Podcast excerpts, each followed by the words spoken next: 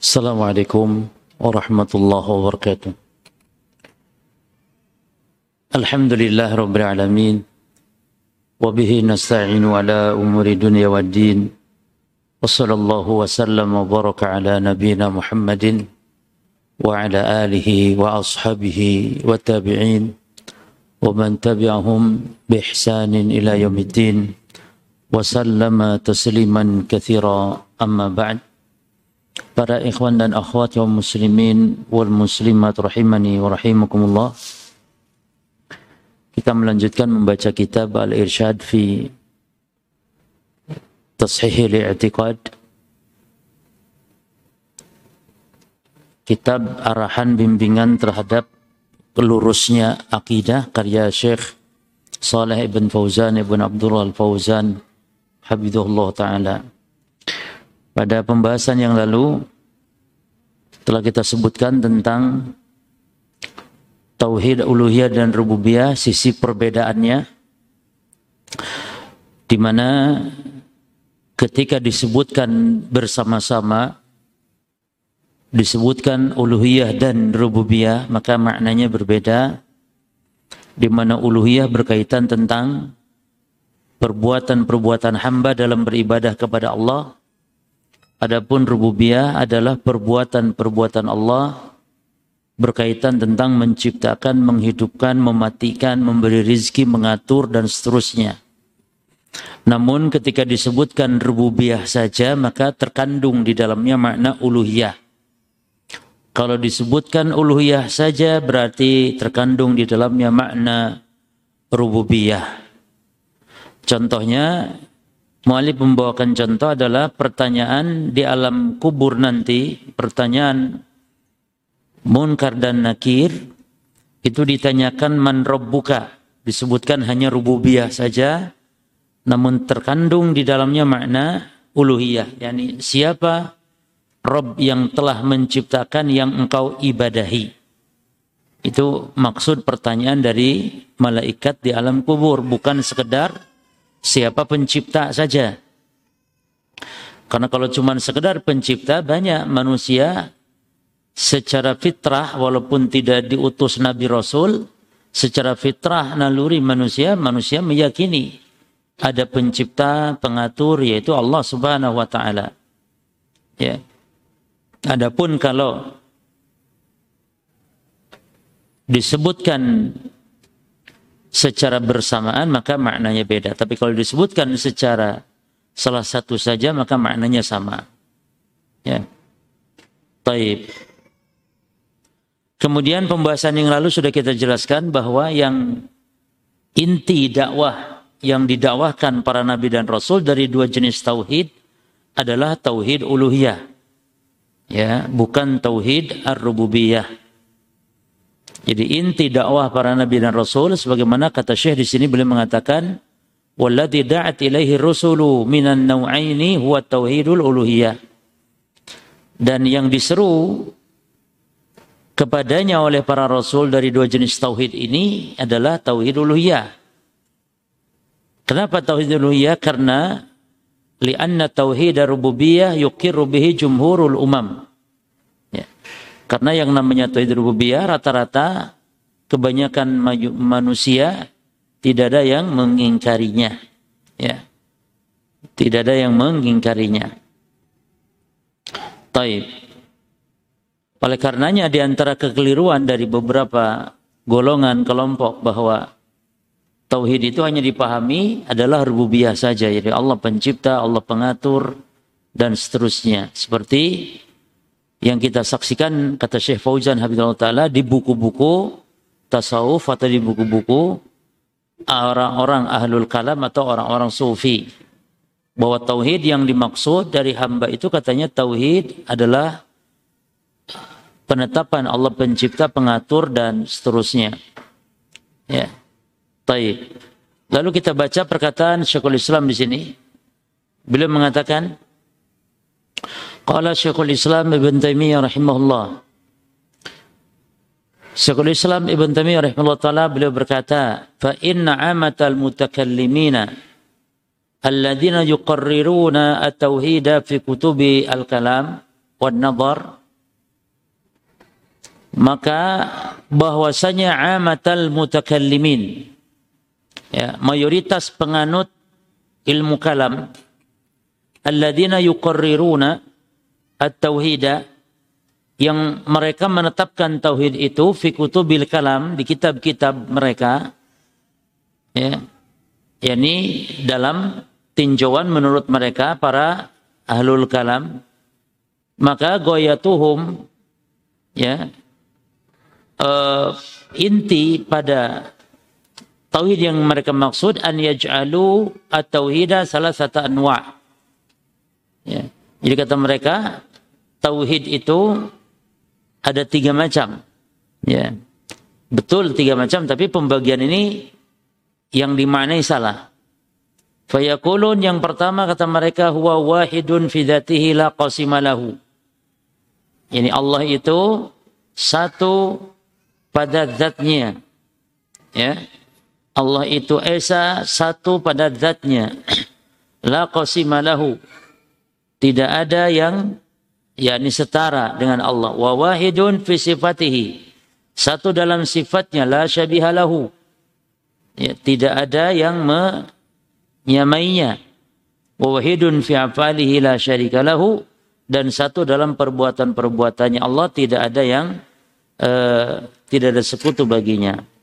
Jadi inilah tauhid versi mereka. Allah satu pada zat satu pada uh, sifat satu pada perbuatan. Ini semuanya adalah rububiyah Allah Subhanahu wa taala.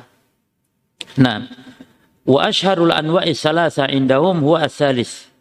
Dan yang masyhur dari makna tauhid pada pandangan mereka itu itu yang ketiga tadi yaitu satu pada perbuatan Allah. Perbuatan Allah ya rububiyah. Allah menciptakan, menghidupkan, mematikan. Huwa tauhidul af'al yaitu tauhid al-af'al. Nah, jadi kata mereka pencipta itu satu, ya, pengatur alam semesta, pemberi rezeki dan seterusnya. Nah, wa yadununa anna hada huwa tauhid al-matlub. Mereka mengira inilah tauhid yang dituntut untuk kita mengenalnya. Nah, dan inilah kata Syekh yang kita maksud ya. Jadi yang mereka maksudkan dengan tauhid ini adalah kata mereka menetapkan rububiyah Allah pencipta pengatur itu adalah kata mereka inilah makna la ilaha illallah. Ini makna yang salah karena la ilaha illallah bukan artinya tiada pencipta pengatur tapi tiada zat yang berhak disembah diibadahi dengan benar kecuali hanya Allah. Jadi la ilaha illallah itu terjemahannya versinya tergantung daripada aliran golongan. Ya. La ilaha illallah kalau menurut ahlul kalam tidak ada pencipta selain Allah. Ya. Menurut ahlul kalam tidak ada pencipta selain Allah. Ini keliru karena kalau tidak ada pencipta selain Allah ini juga diyakini oleh Abu Jahal. Abu Jahal mengatakan tidak ada pencipta selain Allah. Tapi Abu Jahal tidak mau mengatakan la ilaha illallah. Kenapa? Karena maksud la ilaha illallah Abu Jahal dan orang-orang yang semisal mereka mereka tahu bahwa la ilaha illallah maknanya bukan tiada pencipta tapi tidak ada sesembahan tidak ada zat yang berhak diibadahi dengan benar kecuali hanya Allah. Maka mereka enggak mau mengucapkan la ilaha illallah. Padahal mereka mengimani bahwa yang menciptakan menghidupkan mematikan adalah Allah. Jadi ahlul kalam dalam memahami makna la ilallah tidak lebih pintar daripada Abu Jahal. Abu Jahal saja ngerti arti la ilaha illallah. Hanya saja mereka memang tidak mau beriman dengan menyembah Allah zat yang satu tapi mereka inginnya menyembah Allah dan juga selain Allah sebagai bentuk uh, mendekatkan diri atau tawasul kepada Allah. Cuman dari segi makna Abu Jahal lebih pintar daripada ahlul kalam sekarang. Yang mana kata ahlul kalam bahwa la ilaha artinya tiada pencipta, tiada pengatur, tiada pemberi rezeki kecuali Allah. Jadi yang benar bukan tiada pencipta tapi tiada ilah sesembahan yang hak, sembahan yang benar kecuali hanya Allah. Kata Syekh, wa ma'lumun annal musyrikina minal Arab Padahal sebagaimana diketahui bahwa orang-orang musyrikin dari kalangan bangsa Arab, alladzina bu'isa ilaihi Muhammadun sallallahu alaihi wasallam yang Nabi Muhammad diutus kepada mereka, ya. Awalan pertama kalinya lam yakunu yukhalifunahu fi hada. Mereka tidak menyelisihi dalam masalah rububiyah. Jadi Abu Jahal mengakui balkanu yukiruna bahkan mereka menetapkan mengimani meyakini bi Allah khaliqu kulli syai. Allah pencipta segala sesuatu. Ya. Jadi arti la ilaha illallah menurut ahlul kalam tiada pencipta, ya, tiada pengatur selain Allah. Ini arti yang batil. Arti yang batil. Masih kalah dengan orang-orang musyrikin Arab dahulu yang mereka enggan mengucapkan la ilaha illallah. Kenapa? Karena mereka tahu maknanya tidak ada sesembahan yang hak kecuali hanya satu. Mereka enggak mau menjadikan sembahan satu. Tapi mereka ingin sembahan itu banyak. Ya. Oleh karenanya mereka menetapkan Tiada pencipta selain Allah, tiada pengatur selain Allah, tiada yang memberi rezeki selain Allah. Ya, tapi mereka tidak mau mengucapkan la ilaha illallah. Karena mereka paham artinya. Maka balkanu yukirruna bi anna Allah khaliqu kulli syai'in. Bahkan mereka menetapkan mengakui bahwa Allah pencipta segala sesuatu hatta innahum bahkan mereka pun sampai yukirruna bil qadari aidan Bahkan mereka pun sampai menetapkan mengakui takdir juga. Wahum ma'hada musyrikun. Sekalipun demikian mereka tetap ya orang-orang musyrik. Jadi masalah beragama itu para jemaah sekalian kita tidak tidak boleh beragama itu hanya satu poin, ya dua poin, tiga poin mana yang kira-kira pas kita imani, kita yakini, tidak boleh. Contohnya orang-orang musyrikin saja ibadah kepada Allah ibadah. Sebagian akidah mereka benar, ya sebagian akidah mereka benar. Sebagian tauhid mereka benar. Contohnya tauhid rububiyah mereka benar menetapkan Allah pencipta satu-satunya. Allah yang menghidupkan mematikan benar. Jadi kalau orang Islam yang bersyahadat la ilaha illallah Muhammad Rasulullah dalam poin-poin akidahnya tidak lurus, ya, sebagian benar, sebagian tidak benar, maka jatuhlah nanti kepada kerusakan dalam agama bisa membatalkan agama. Ya. Jadi ini poin penting para jemaah.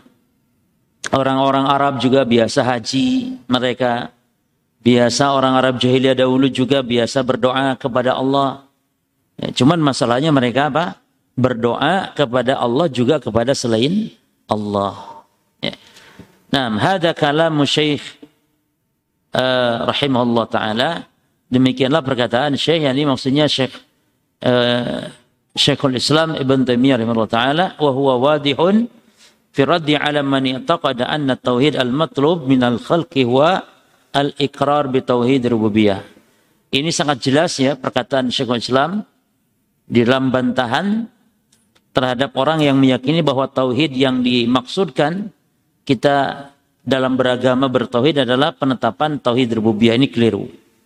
Nah, wa yu'ayyidu hadha dan yang menguatkan perkataan Syekhul Islam yakni bahwa tauhid yang dimaksud bukan rububiyah bukan menetapkan yakni Allah satu-satunya pencipta saja tanpa menetapkan yang hakikatnya. Intinya itu ibadah.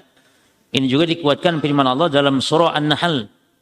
Allah taala berfirman walaqad ba'atsna fi kulli ummatin rasulan an i'budullaha wajtanibu tagut kata Allah surah An-Nahl ayat 36 dan sungguh kami telah mengutus pada tiap umat itu seorang utusan yang mana inti dakwahnya bukan mengatakan Allah pencipta tapi inti dakwahnya ani'budullah agar bertauhid uluhiyah atau tauhid ibadah agar beribadah kepada Allah wajtanibu tagut dan menjauhi Tagut ini sembahan-sembahan selain Allah.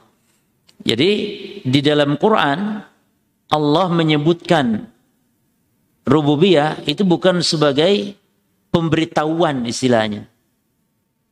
Tapi untuk sebagai pembuktian saja.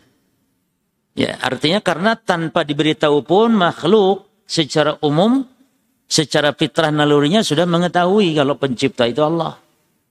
Ya. Tapi Allah menyebutkan tentang rububiyah dalam Quran itu dalam rangka menyampaikan hujah gitu. Artinya sebagaimana kalian akui tidak ada pencipta kecuali Allah ya juga dalam ibadah. Kalian harus menetapkan ibadah tidak dipalingkan kecuali juga hanya kepada Allah gitu. Nah, Farrusulu lam yakulu li umamihim. Perhatikan di sini. Maka para rasul tidak mengatakan kepada umat-umat mereka itu akhiru annallaha wal khaliq. Tetapkanlah bahwa Allah itu pencipta. Tidak. Ya, kenapa? Li'annahu mukhiruna bihada. Karena mereka telah mengetahui, menetapkan masalah kalau Allah pencipta. Wa inna maqalu lahum akan tetapi para rasul itu mengatakan kepada umatnya adalah ibadah. U'budullaha wajtanibut tagut. Jadi berdasarkan ayat tadi, perkataan para rasul bukan ketahuilah bahwa tiada pencipta kecuali Allah, enggak. Tapi u'budullaha wajtanibut tagut. Ya. Baik. Kemudian perkataan Ibnu Taimiyah yang lain. At-tauhidul ladzi ja'at bihi rusulu innama yatadammanu isbatal ilahiyyah lillahi wahda. Dan tauhid yang dibawa para rasul dari mulai Nabi Adam sampai Nabi Muhammad itu mengandung penetapan tentang ibadah peribadatan hanya kepada Allah semata. Bi an yashhada an la ilaha illallah la ya'budu illa iyyah yakni persaksian bahwa tidak ada ilah kecuali Allah dan tidak boleh beribadah kecuali hanya kepada Allah. Ya. Walaisal murad bit tauhid mujarrad tauhid rububiyah. Subhanallah ya. Gamblang sekali penjelasan para ulama. Kata beliau, Syekhul Islam rahimahullah berkata, bukanlah yang dimaksud dengan tauhid itu semata-mata menetapkan tauhid rububiyah saja, mengakui Allah pencipta, pengatur dan seterusnya. وهو اعتقاد أن أن الله وحده خالق العالم yakni keyakinan bahwasanya Allah satu-satunya pencipta alam semesta kama yadunu dzalika man yadunnuhu min ahli kalami wa tasawuf sebagaimana yang dipersangkakan oleh ahlul kalam dan orang-orang sufi ya maka mereka itu kalau disebut tauhid ya maknanya tiada pencipta penguasa alam semesta kecuali Allah ya, itu saja yang mereka pahami Yadhunnu haula'i annahum idza asbatu dhalika bidalil faqad asbatu ghayatat tauhid. Dan mereka menyangka bahwa kalau mereka menetapkan tauhid tersebut dengan dalil, maka mereka menetapkan ghayatat tauhid, puncak tauhid wa annahum idza syahidu hadha wa wa fanau fihi faqad fanau fi ghayatit tauhid. Dan kalau mereka telah mengakuinya, ya. Wa fanau fihi dan larut di dalam tauhid tersebut faqad fanau fi ghayati tauhid maka mereka telah larut dalam puncak tauhid. Artinya mereka cukup meyakini tauhid yang dimaksud dalam rububiyah Allah Subhanahu wa taala. Nah, fa inna rajula law aqarra bima yastahiquhu Rabb taala minas sifati karena sesungguhnya seorang walaupun dia telah menetapkan mengakui apa yang menjadi hak Allah di dalam sifat-sifat wa nazahu an kulli ma yunazzahu anhu. Dan dia telah mensucikan apa yang Allah wajib untuk disucikannya wa aqarra bi annahu wahdahu khaliqu kulli syai. Dan mengakui bahwa pencipta segala sesuatu adalah Allah yakni menetapkan tauhid uluhiyah uh, rububiyah dan tauhid asma wa sifat.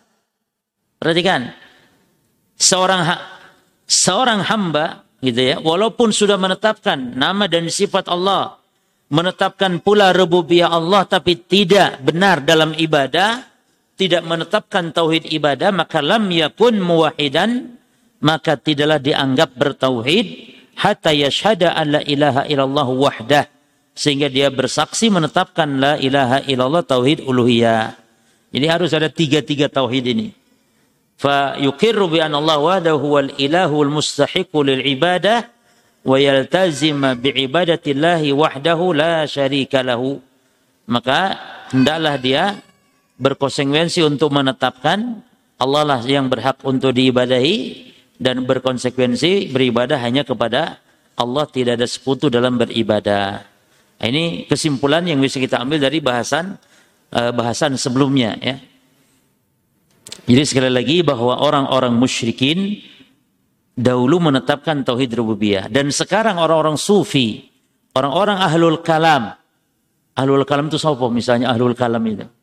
Ahlul kalam itu seperti kelompok-kelompok kalangan Jahmiyah, Mu'tazilah, Asy'ariyah ya yang mereka dalam menetapkan uh, perkara-perkara gaib dengan mendahulukan akal. Contoh menetapkan sifat Allah ya.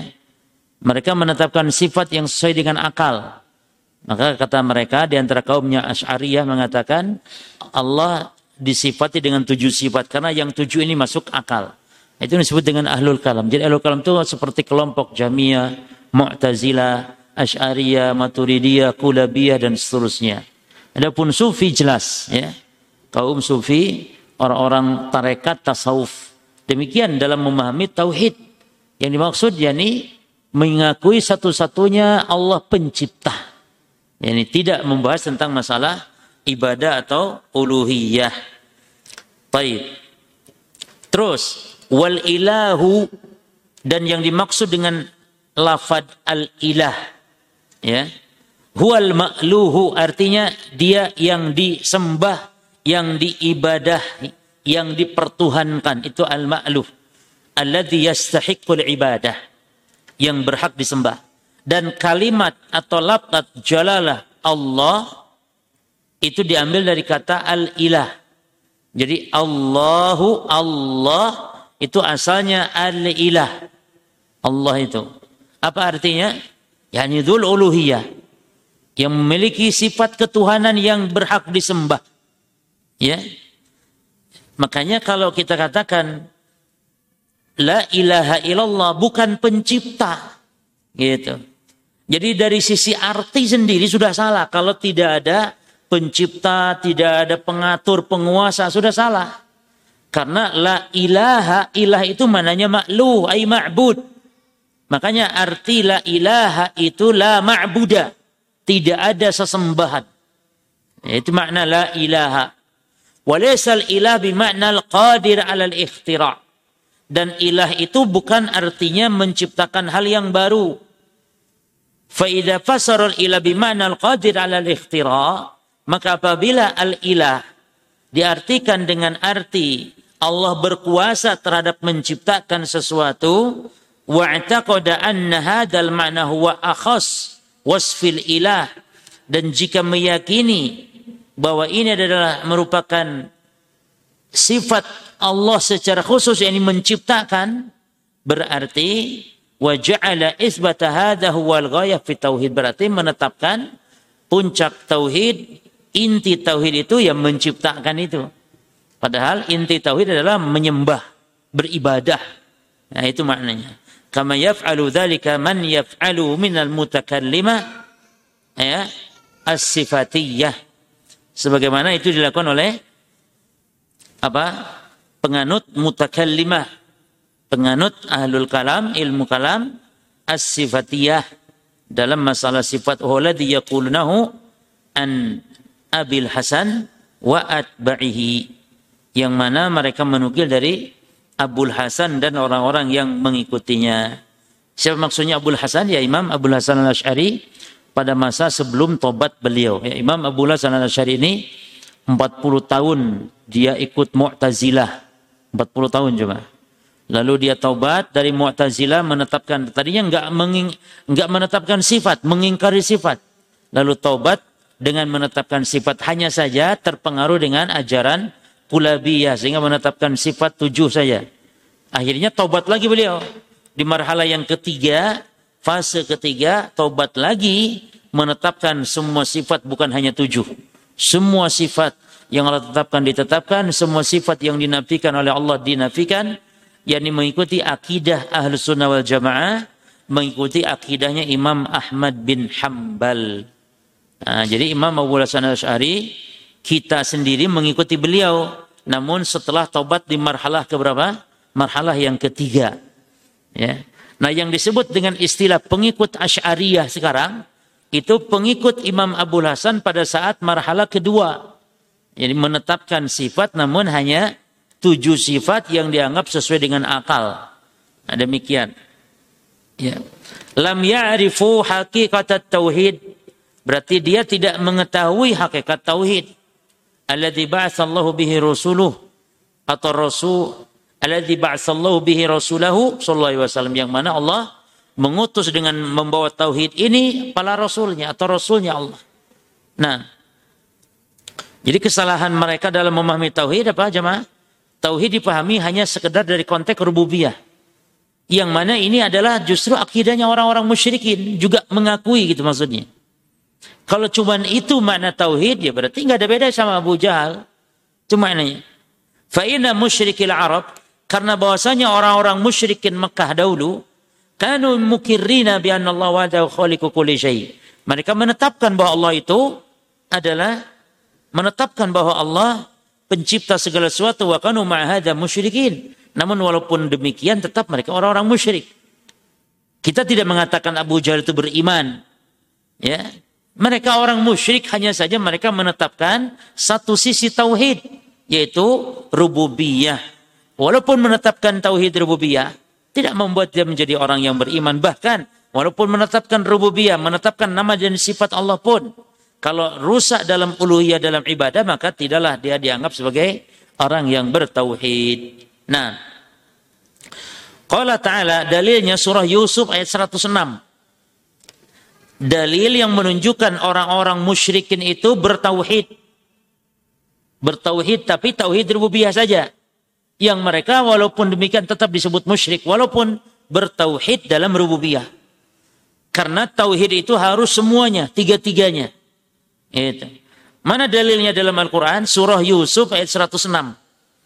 Wa ma yu'minu aktsaruhum billahi. Perhatikan. Allah menyebut mereka itu orang-orang musyrikin Abu Jahal dan semisal Allah sebut mereka itu beriman. Allah sebut mereka itu beriman. Abu Jahal itu. Tapi iman mereka dicampur dengan kesyirikan. Makanya Allah mengatakan dalam ayat yang lain. Orang yang men, dijamin mendapat keamanan dunia akhirat. Mendapat petunjuk itu adalah orang yang beriman yang tidak mencampurkan. Imannya dengan apa? Kesyirikan.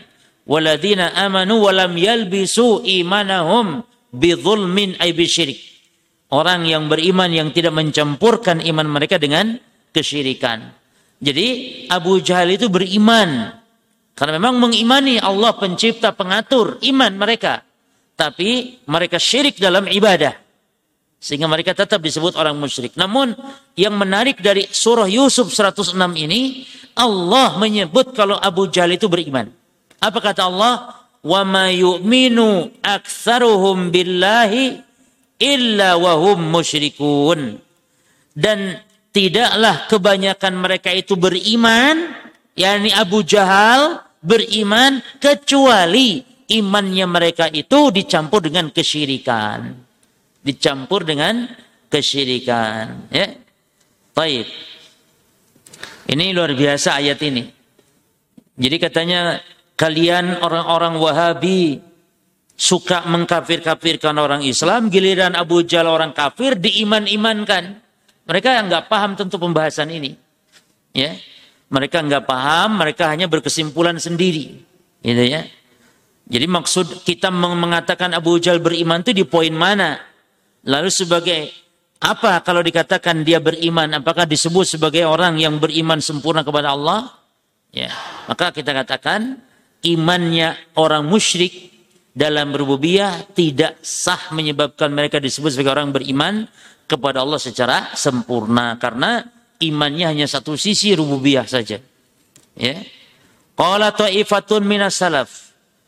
Telah berkata sebagian para ulama salaf. Tas'aluhum man khalaqas samawati wal ard.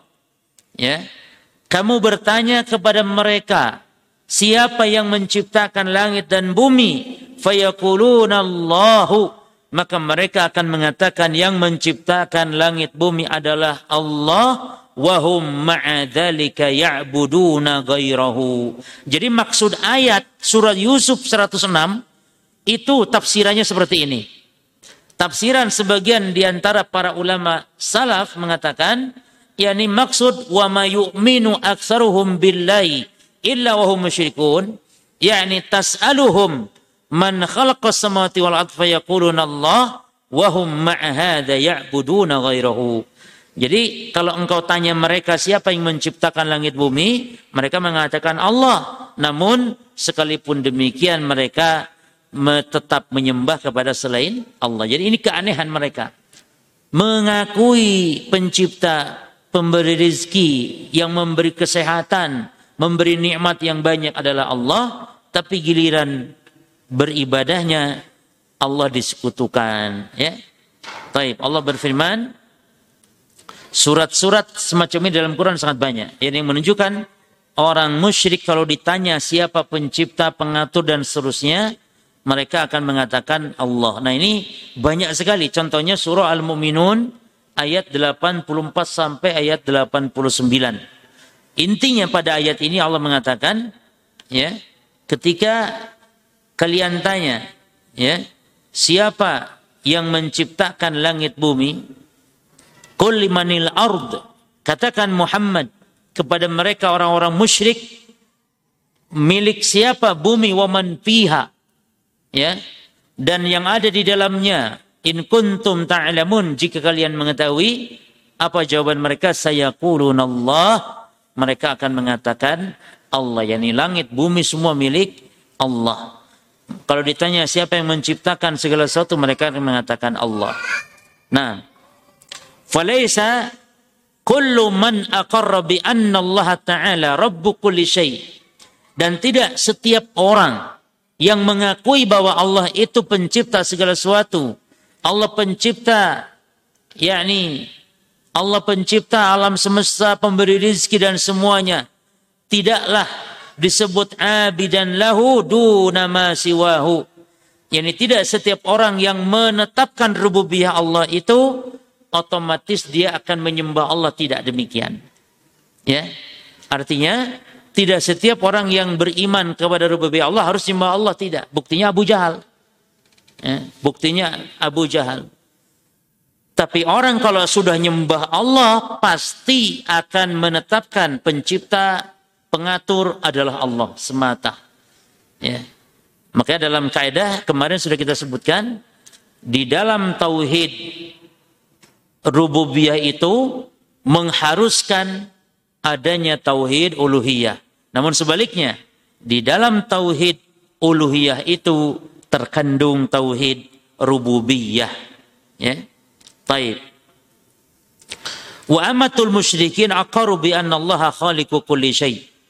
Kebanyakan kaum musyrikin menetapkan bahwasanya Allah Maha menciptakan segala sesuatu wa asbatu syufa'a dan mereka menetapkan syafaat ya alladzina yusyrikunahum bihi terhadap apa yang mereka jadikan sekutu wa ja'alu lahu andadan dan mereka menjadikan tandingan-tandingan selain Allah.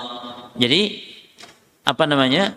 Orang musyrik yang mereka menetapkan Allah pencipta segala sesuatu ya, mereka menyekutukan Allah dalam hal beribadah. Walihada kana min atba'i haula'i. Oleh karena itu, di antara pengikut-pengikut mereka, itu ada man yasjudu li syams. Ada yang menyembah kepada matahari. Wal qamar, kepada bulan, wal kawakib. Bintang-bintang, wa yad'u wa yad'uha, wa yasumu, wa yansuku. Mereka doa, berpuasa, mereka menyembelih ya kepada makhluk-makhluk tersebut selain Allah wa taqarrabu ilaiha mereka bertakarub kepada makhluk-makhluk tersebut selain Allah. Padahal menetapkan pencipta adalah Allah. Satu-satunya pemberi rezeki adalah Allah. Tapi kita saksikan sebagaimana yang dilakukan oleh orang-orang musyrikin dahulu. Mereka menyembah kepada selain Allah.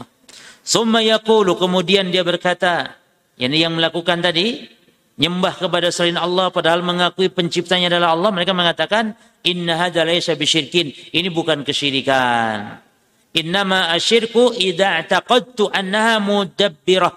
Nah, ini penting ini. Jadi ketika mereka meyakini Allah itu pencipta, pengatur alam semesta dan seterusnya, ketika mereka minta kepada ahli kubur, misalnya kepada berhala-berhala, kepada orang telah mati, mereka katakan ini bukan syirik. Kenapa? Kata mereka, syirik itu kalau saya meyakini kuburan-kuburan ini menciptakan langit bumi. Kalau saya meyakini wali ini bisa menciptakan langit bumi, kata mereka. Itu baru syirik. Kalau saya kan meyakini pencipta adalah Allah semuanya. Ini semua hanya perantara gitu. Ini semua hanya perantara saja kata mereka. Maka ini adalah merupakan akidah justru orang-orang musyrikin dahulu. Apa kata mereka ketika mereka nyembah berhala? Mana buduhum illa liqarribuna ilallahi zulfa. Kami enggak nyembah mereka, tapi kami menyembah mereka itu dalam rangka kami dekat kepada Allah sedekat-dekatnya. Jadi tujuan kami tetap kepada Allah walaupun melalui orang telah mati. Tujuan kami tetap kepada Allah. Perhatikan, kultu saya berkata, ini maksudnya di sini Syekh Fauzan berkata, wa hadha ma yaquluhu ubadul quburil. Maka ini inilah ya perkataan seperti itulah yang diucapkan oleh para pemuja kubur di zaman sekarang. Yataqarrabuna ilaiha bi anwa'il ibadah. Mereka mendekatkan diri kepada ahli kubur dengan berbagai macam ibadah seperti apa? Menyembelih hewan di situ, ya, nadar di situ, salat di situ. Wa yaqulun dan mereka mengatakan hadza laisa bisyirkin. Ini bukan kesyirikan. Kenapa? Li'annana la na'taqidu fiha annaha takhluqu wa tudabbir. Karena kita tidak meyakini bahwa kubur ini pencipta alam semesta tidak. Wa inna ma ja'alnaha kami hanya menjadikan kubur-kubur ini orang-orang soleh ini wasaita perantara-perantara natawassalu bi ashabiha yang kami menjadikan sebagai tawassul atau sarana perantara terhadap ahli kubur ini. Nah, ini demikian perjemaah. Ya. Demikian kenyataan sekarang. Kenyataan sekarang ucapan-ucapan yang diucapkan dahulu oleh orang-orang musyrikin, mana buduhum illa liqaribuna ilahi zulfa. Kami enggak nyembah berhala, tapi kami mendekatkan diri kepada Allah melalui berhala ini. Itu persis dengan apa yang dilakukan oleh kaum muslimin di zaman sekarang yang memuja, mengagungkan kubur, memuja kubur, ya orang-orang soleh kubur-kubur wali demikian. Kita tidak katakan semua tapi kebanyakan demikian. Datang ke kubur tidak sekedar ziarah kubur berjam jadi jangan beralasan mereka apa alasannya. Lu si kenapa kalian larang ziarah kubur? Bukannya ziarah kubur disyariatkan? Kita katakan betul disyariatkan. Namun bagaimana ziarah kubur yang disyariatkan? Bagaimana adab-adabnya apa larangan-larangannya? Ya itu yang mereka tidak perhatikan. Demikian pula ibadah yang lain. Sholat juga. Kan tidak boleh sembarangan sholat sholat wajib. Bagaimana ketentuannya? Sholat sunnah apa saja ketentuannya? Harus dasarnya dalil yang sahih. Demikian pula puasa. Demikian pula ziarah kubur. Karena ziarah kubur adalah ibadah maka harus terpenuhi dua syarat tadi. Ikhlas karena Allah. Yang kedua mutaba'ah mengikuti petunjuk Nabi dalam berziarah kubur. Ya. Sekarang para jemaah, kuburan itu kan di zaman Nabi ada. Kuburan di zaman Nabi ada, iya, tapi Nabi tidak melakukan tawaf di kuburan. Nabi tidak melakukan yakni salat di kuburan, Nabi tidak melakukan yakni amalan-amalan di kuburan. Nabi hanya ziarah kubur nam, kuburan baki Nabi doakan sudah tuh pulang. Ya. Di zaman Nabi pun banyak kerabat Nabi yang meninggal dunia. Ada Khadijah meninggal dunia, tapi tidak pernah Nabi membaca Al-Fatihah untuk Khadijah. Nabi tidak pernah membaca Al-Fatihah atau Nabi tidak pernah mengirim Al-Fatihah untuk Hamzah. Jadi semua ada ketentuannya para jemaah bukan sesuka kita dalam kita beribadah ya. Selesai pembahasan kita keterkaitan antara tauhid ar-rububiyah dengan tauhid al-uluhiyah ya. Bahwa tauhid rububiyah dan uluhiyah ada keterkaitan dan ada di situ kaidah-kaidah patokan-patokannya. Sudah kita bahas. Kita masuk sekarang judul yang baru. Asalibul Quran fi da'wah ila tauhidi al-uluhiyah atau al-ilahiyah. Metode Al-Quran di dalam berdakwah kepada tauhid, menyeru mengajak kepada tauhid ilahiyah atau uluhiyah atau tauhid ibadah. Jadi bagaimana bentuk Al-Quran menyeru kepada tauhid ibadah. Ini masih ada kaitan dengan rububiyah pula, teman bagaimana bentuk Allah menyeru kepada tauhid al-uluhiyah. Karena Allah tidak pernah menyeru untuk bertauhid secara khusus ke rububiyah enggak. Kan sudah disebutkan kemarin. Allah menyebutkan rububiyah dalam Quran dalam rangka untuk ikomatul hujah saja. Dalam rangka untuk menetapkan hujah bantahan kepada mereka gitu. Bukan untuk menjelaskan dan bukan untuk berdakwah menyeru bukan.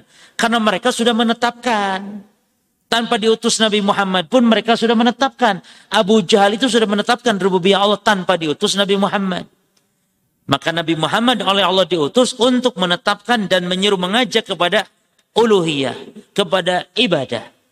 Nah sekarang bagaimana metode Quran? Fi da'wah ila tauhidi al-uluhiyah atau al-ilahiyah. Beliau mengatakan, Lamma kana tauhid rububiyah qad aqarra bihi nas manakala tauhid rububiyah sudah ditetapkan oleh manusia ya bimujibi fit, fitarihim berdasarkan bimbingan fitrahnya wa berdasarkan pandangan mereka fil kaun di alam semesta. Jadi manusia ini sudah menetapkan tauhid rububiyah dengan sebab naluri mereka dan mereka lihat alam semesta. Ini berarti menunjukkan adanya Allah. Allah yang menciptakan alam semesta ini. Wa kana al-iqraru bihi wahdahu la yakfi maka menetapkan tauhid rububiyah saja tidak cukup. Tidak cukup untuk apa? Lil imani billahi. Tidak cukup dikatakan telah beriman kepada Allah. Makanya kita katakan Abu Jahal mengimani rububiyah. Iya tapi tidak cukup dia dikatakan sebagai seorang mukmin. Abu Jahal. Tidak cukup. Fir'aun iblis juga mengakui rububiyah tapi tidak cukup. Mereka disebut sebagai orang-orang yang beriman. Wala yunji sahibahu minal adab. Dan tidak menyebabkan selamatnya orang tersebut dari azab Allah. Jadi tidak sekedar mengakui rububiyah Allah pencipta selesai masuk surga. Tidak. Karena harus ada tuntutan dalam uluhiyah. Maka rakazat ya da'watur rusuli ala tauhidil ilahiyah maka dakwahnya para rasul itu terfokus kepada tauhid al-uluhiyah. Khususan dakwata khususnya dakwahnya khatamin rusul. Penutupnya para rasul siapa? Nabiyyina Muhammadin alaihi wa alaihim salam. Khususnya Nabi Muhammad. Kenapa Nabi Muhammad kok dikhususkan? Semua nabi juga dakwah tauhid semua. Cuma Nabi Muhammad dikhususkan kenapa? Yang pertama, karena semakin jauh masa, semakin jauh dari kenabian, ya kan jemaah? Tentu semakin parah kesyirikannya. Semakin parah kesyirikannya. Maka sangat dihajatkan dengan diutusnya Nabi Muhammad SAW. Apalagi di kalangan bangsa Arab, masa patroh yakni setelah datangnya Rasul ke Rasul berikutnya itu sangat jauh sekali. Kan terakhir Nabi Isa alaihissalam. Nah jarak Nabi Isa ke Nabi Muhammad sangat jauh. Sehingga sangat dibutuhkan dakwah tauhid. Ya. Fakana yutalibu nas la ilaha illallah.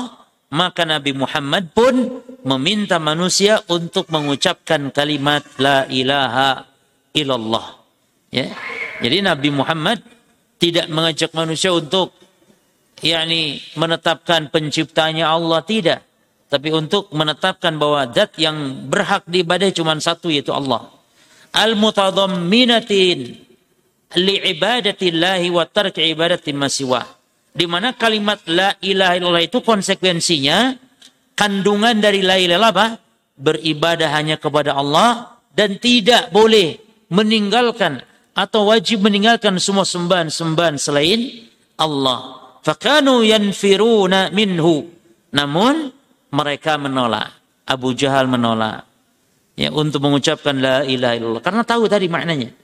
Karena maknanya berarti ibadah itu berarti harus kepada zat yang satu. Itu Allah saja. Ini aneh kata mereka. Sebagaimana dalam surah Sod ayat 5 Allah sebutkan. Ya. Aja'al alihata ilahan wahida. Wahai Muhammad, apakah engkau mau jadikan Allah sesembahan itu cuma satu saja? Inna hadalah syai'un ujab. Ini sangat aneh. Ya, karena kalau ibadah itu ya jangan kepada satu saja, harus kepada yang lain-lain juga. Itu yang dalam pikiran mereka. Maka wahawalu ma'ar rasul an yatruka hadi dakwah. Maka mereka akhirnya berusaha untuk menolak, menjegal, ya, menjegal agar Nabi Muhammad meninggalkan dakwah dengan berbagai cara. Dengan diganggu, disakiti, dirayu, dengan harta, dirayu dengan wanita, dirayu berbagai macam bentuk, dihalang-halangi. Maka ini sudah sunatullah para jemaah, dakwah tauhid mustahil. Dakwah tauhid mustahil langsung diterima oleh masyarakat mustahil. Karena demikian dari dulunya. Mustahil langsung mulus. Oh iya pak, enak yo, enak bertanda. Enggak. Semua orang ketika awal menerima dakwah akan mengatakan, mosok sih, masa dakwah, masa harus tauhid, masa tidak boleh ngalap berkah ke kuburan-kuburan. Mesti begitu menolak awalnya. Maka dakwah tauhid mesti akan ditolak, akan dijegal. Karena demikian bagaimana syaitan sangat kuat di dalam menggelincirkan manusia untuk jatuh kepada kesyirikan. Ya, maka perhatikan di sini perkataan Syekh wahawwalu mereka berusaha terhadap Rasul an yatruka hadhi dakwah untuk Nabi meninggalkan dakwah ini. Wa yukhalli bainahum wa baina ibadatil asnam agar mereka dibiarkan bisa nyembah, nyembah Allah juga nyembah berhala. Enggak mau mereka untuk nyembah Allah saja. Wabadalu fidzalika ma'ahu.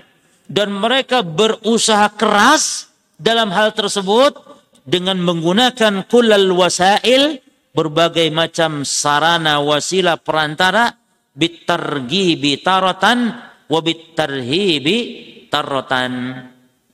Ya. Maka mereka pun berusaha ya mengerahkan cara baik terkadang dengan targib Targib itu dengan mengiming-imingi Rasulullah. Dikasih harta misalnya, dikasih Muhammad kamu ini mau jadi apa? Mau jadi raja. Kami angkat raja. Kamu mau perempuan, tak pilihkan wanita tercantik di bangsa Arab ini. Namun syaratnya kamu jangan ngomong-ngomong tauhid-tauhid ini. Biarkan kami nyembah. Itu tawaran. Namun semua ditolak oleh Nabi. Atau dengan ancaman. Waterhib. Diancam kamu kalau tidak tak bunuh kamu kamu diusir dan seterusnya. Wahwa alaihi wasallam yaqul. Lalu apa jawaban Nabi ketika diancam atau Nabi diiming-imingi?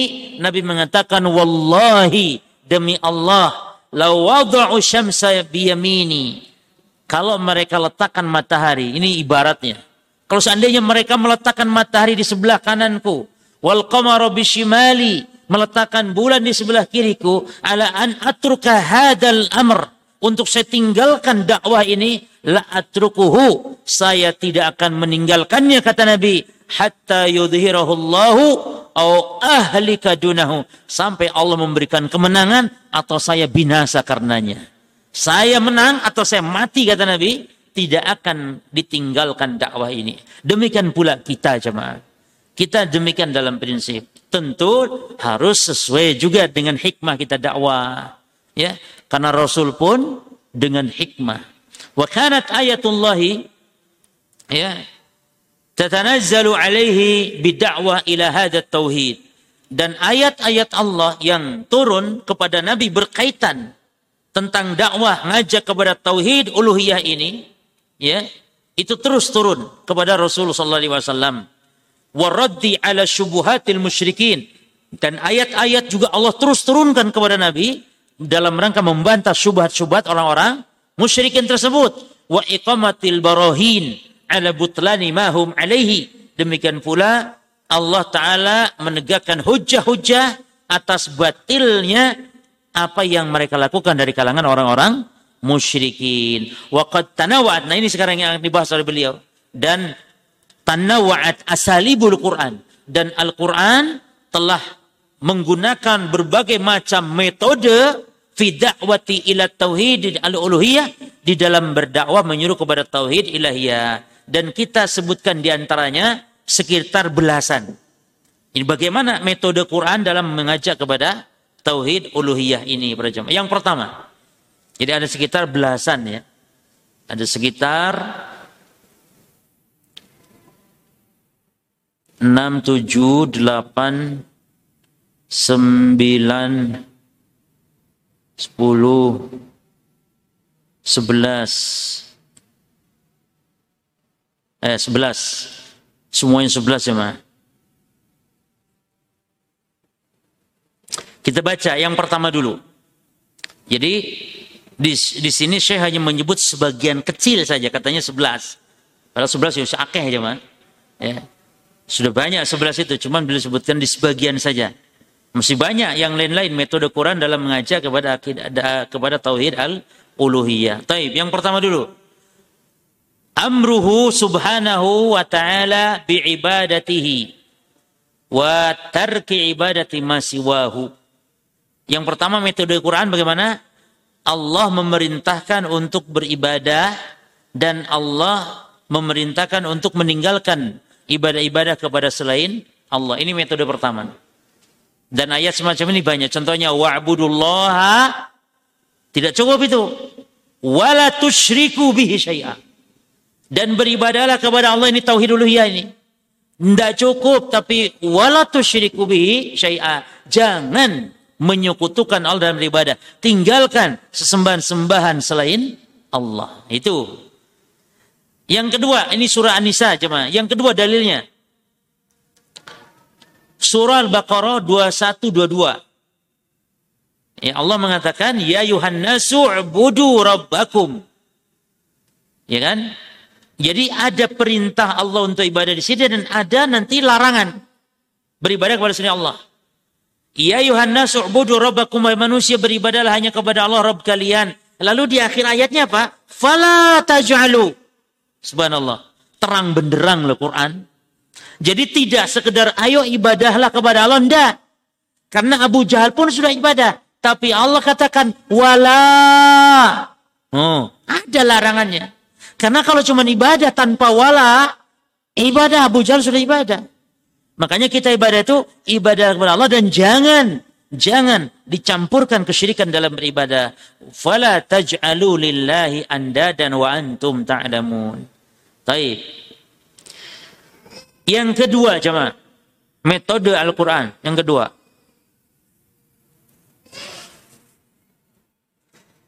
Ikhbaruhu subhanahu annahu khalqal khalq annahu khalaqal khalqa li'ibadatihi.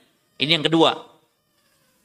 Allah mengkabarkan bahwa tujuan hikmah diciptakannya kita sebagai manusia adalah untuk tauhid uluhiyah, untuk beribadah kepada Allah. Kalau tidak beribadah berarti maknanya kita ini yang nggak ada fungsi lagi. Contoh kulkas, fungsinya mendinginkan makanan, mobil fungsinya untuk mengantarkan kita. Lah kalau mobilnya ndak bisa mengantarkan, berarti mobil apa namanya? Hah? Rusak. Kulkas kalau nggak mendinginkan makanan, berarti kulkasnya rusak. Dikemanakan? Dimasukkan ke bengkel. Sama hanya orang, kalau tidak, tidak ibadah berarti sudah keluar dari fungsinya. Nggak ada guna. Rusak. Kalau rusak dikemanakan? Bengkelnya di neraka jahanam. Itu bengkelnya sudah jam. Ya, dibuang ke loak, dibuang ke rong, rosok jadi rongsokan. Kalau mau diperbaiki di dunia. Jadi fungsi kita hidup ini ilal ya'budun. Surah Dariyat ayat 56. Inilah metode Quran dalam berdakwah kepada tauhid ibadah. Allah memerintah, Allah mengkabarkan hikmah diciptakannya kita sebagai hamba Allah beribadah. Ya semua ada fungsi pulpen, mic ini, mic ini jemaah. Fungsinya membesarkan suara saya sekarang. Kalau seandainya ndak fungsi di ke mana kan mic? Dibuang. Karena bukan untuk pajangan di sini nih. Kalau di sini mic nggak bunyi terus untuk pajangan ngapain? Dibuang saja. Demikian pula manusia kalau tidak bertauhid uluhiyah berarti tidak ada fungsi lagi dibuang. Nggak ada gunanya. Taib itu Adariyat 56. Wa ma khalaqtul jinna wal insa illa liya'budun. Dan tidaklah semata-mata aku ciptakan jin dan manusia kecuali untuk bertauhid, ibadah, beribadah kepada Allah. Yang ketiga jemaah ikhbaruhu annahu arsala jami'ar rusul bid'a'wa ila ibadatihi wa nahyi an ibadati ma siwahu. Allah mengkabarkan bahwa Allah mengutus para rasul itu dalam rangka menyeru bukan kepada rububiyah tapi kepada ibadah kepada Allah. Surah An-Nahl 36 ya. Walaqad ba'atsna fi kulli ummatin rasulan ani'budullaha wajtanibu taghut. Dan sungguh kami telah mengutus pada tiap umat itu seorang utusan. Apa misi dakwahnya? Bukan mengatakan Allah pencipta, tapi untuk menyeru manusia agar beribadah kepada Allah menjauhi sembahan selain Allah. Yang keempat, metode Al-Quran dalam berdakwah kepada tauhid ibadah itu metodenya apa? Dengan al-istidlal. Al-istidlal ala tauhid al-uluhiyah ya bin firadihi birububiyah. Ya, ini perlu dipahami sedikit. Dengan cara al-istidlal ala tauhid al-uluhiyah bin firadihi birububiyah. Bagaimana metodenya? Allah berdalil dengan tauhid rububiyah untuk menetapkan uluhiyah. Ya. Allah berdalil menggunakan dalil dengan rububiyahnya Allah agar manusia mentauhidkan Allah Subhanahu wa taala. Contohnya disebutkan di dalam surah Al-Baqarah 21, wahai manusia beribadahlah kepada yang telah menciptakan. Di sini Allah gunakan dalil rububiyah menciptakan untuk dalil terhadap uluhiyah. Maka kata Allah, Ya ayuhan nasu ubudu rabbakumul ladzi khalaqakum. Wahai manusia, ibadahlah. Ini uluhiyah. Beribadahlah kepada zat yang telah menciptakan kalian. Berarti Allah gunakan pendalilan rububiyah untuk berhujat terhadap tauhid ibadah. Dan ini banyak di Quran. Banyak di Quran para jemaah. Model ayat seperti Al-Baqarah 21 ini. Banyak dalam Quran. Ya. Allah katakan perintahkan ya untuk beribadah kepada yang telah menciptakan, menghidupkan, mematikan. Ya. Contohnya Nabi Ibrahim. Ya. Nabi Ibrahim itu uh, ketika menyebutkan bahwa yang disembah zat alladhi fatarani kata Nabi Ibrahim aku beribadah itu kepada zat yang telah menciptakan aku ini metode pendalilan dengan rububiyah terhadap uluhiyah. Itu ya. Yang kelima, al-istidlal, perhatikan ikhwan, ala wujubi ibadatihi bin firadihi bisifatil kamal. Pendalilan Allah terhadap wajibnya ibadah dengan kesempurnaan sifat Allah. Artinya, Allah itu sempurna sifatnya sehingga kalau nyembah haruslah kepada zat yang sempurna, jangan kepada makhluk yang tidak sempurna. Ya, Makanya Allah mengatakan dalam surah Maryam ayat 65 ini semuanya tiga jenis tauhid terdapat dalam surah Maryam 65 ini. Kata Allah fa'buduhu wastabir li'ibadatihi hal ta'lam lahu samiyan. Beribadalah kalian kepada Allah, bersabarlah dalam beribadah, lalu hal ta'lam lahu samiyan. Ini kata Allah, apakah kalian tahu ada yang serupa dengan Allah? Yani kita beribadah itu harusnya kepada zat yang sempurna sifatnya. Maka ber berdalil dengan kesempurnaan sifat Allah terhadap kewajiban untuk beribadah hanya kepada Allah. Demikian pula dalam surah Maryam ayat 42 para jemaah. Ya. Sebagaimana Nabi Ibrahim mengatakan kepada ayahnya, "Ya abati lima ta'budu ma la yasma' wa la yubsir." Wahai ayahku, Kenapa engkau nyembah kepada zat yang tak melihat, tak mendengar? Berarti menunjukkan Allah menggunakan dalil kesempurnaan sifatnya Allah agar wajibnya Allah disembah, diibadahi. Ya. Kita masuk nanti poin yang ke-6 insyaallah. Poin yang ke-6 ya. Asalib atau metode dakwah di dalam Quran terhadap tauhid al-uluhiyah. Wallahu taala alam. Kita masuk adzan maghrib. Subhanakallahumma bihamdika asyhadu an la ilaha illa anta astaghfiruka wa atubu ilaik. Assalamualaikum warahmatullahi wabarakatuh.